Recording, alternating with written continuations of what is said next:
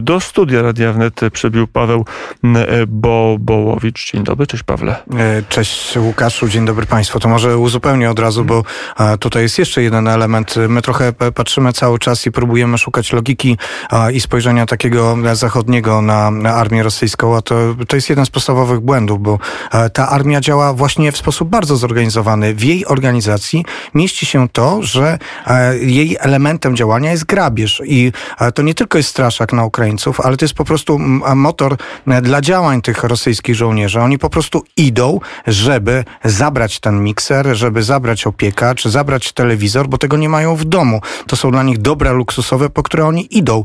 I to jest scenariusz, który doskonale znamy. On zresztą nawet pojawia się w literaturze, też w literaturze polskiej. I w 1920 roku tak zachowywali się bolszewicy. Armia Czerwona zachowała się tak samo w 1939 roku i po 1944 roku w ramach tak zwanego wyzwolenia, które wyglądało dokładnie tak, jak teraz wyzwolenie mm, na Ukrainie. Może wreszcie też byśmy nazywali fakty historyczne e, po prostu tak, jak należy, czyli to też było e, kolejna okupacja e, Polski, grabież zresztą nie tylko Polski. To napędza rosyjskiego żołnierza. Zresztą widzimy ich zachowania, rozmowy przechwycone przez Ukraińców, mm, jak oni informują o tych swoich grabieżach swoich bliskich. Oni są z tego dumni i to jest bardzo niestety ważny element tej wojny, bo oni idą po łupy, których u siebie w domu nie mają. Mm, I są dumni, to widać też po e, nagraniach, które można uzyskać od e, cywilów rosyjskich, że oni są e, dumni, czują radość z tego, kiedy widzą obrazki zniszczonej albo słyszą o zniszczeniach na Ukrainie albo o zagrabionych dobrach, że to jest dla nich powód do dumy. To jest nieprawdopodobne, ale gdy się wchodzi w sieci społecznościowe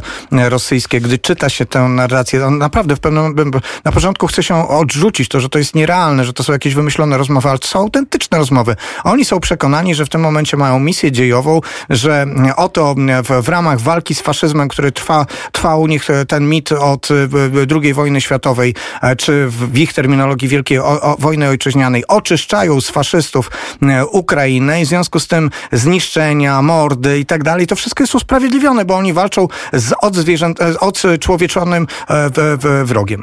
Mm, Pawle, mamy jeszcze kawałek czasu, porozmawiamy pewnie jeszcze po mm, serwisie informacyjnym. W Polsce jesteś, ale nie na zawsze. E, wyjeżdżam jutro i bardzo serdecznie Państwu dziękuję za te wszystkie dary, które już dotarły na tę naszą kolejną, na ten nasz kolejny wyjazd do Kijowa. Zapraszam do godziny 20.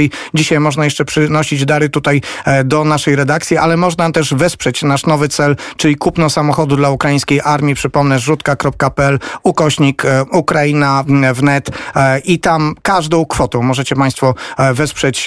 Chcemy zebrać 30 tysięcy złotych. To będzie wystarczająca kwota, żeby kupić samochód, jaki jest potrzebny dla oddziału, który zajmuje się zwiadem dronami. Mm, tym, żeby mm, armia ukraińska była mm, jeszcze lepiej poinformowana, żeby nie szła na e, ślepo. Twoje dwa słowa, jeżeli możesz oceny sytuacji na froncie, bo rysują się czyli tak mi się wydaje, dwie sprzeczne koncepcje. Jedna mówi, to jest tylko oddech, Rosjanie nie zmieniają celów, będą chcieli zająć Kijów, tylko w inny sposób, bardziej e, brutalny, bardziej systematyczny, idąc krok po kroku.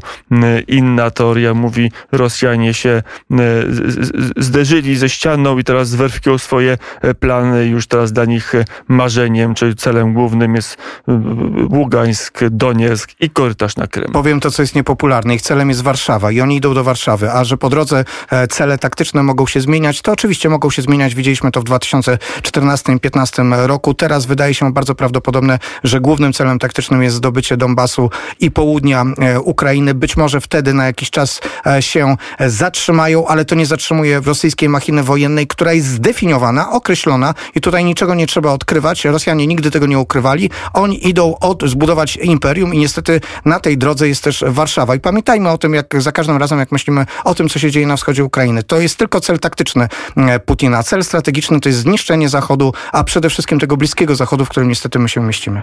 Putina. Cel strategiczny to jest zniszczenie Zachodu, a przede wszystkim tego bliskiego Zachodu, w którym niestety my się mieścimy. Mm, Ukraina tą wojnę ma szansę wygrać?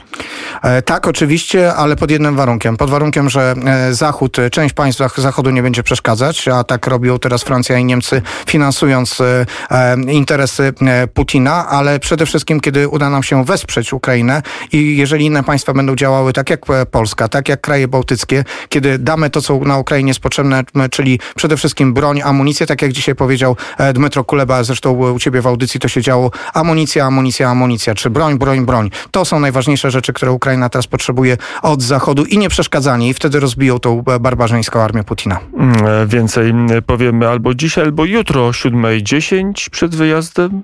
Na pewno po godzinie siódmej już będę tutaj na miejscu, będziemy jeszcze pakować samochody, a potem gdzieś po poranku ruszymy już w stronę Kijowa. To mm, jutro mm, 7.10 e, zaczniemy poranek wnet z Pawłem Bobołowiczem. Już teraz Państwa bardzo serdecznie zapraszam.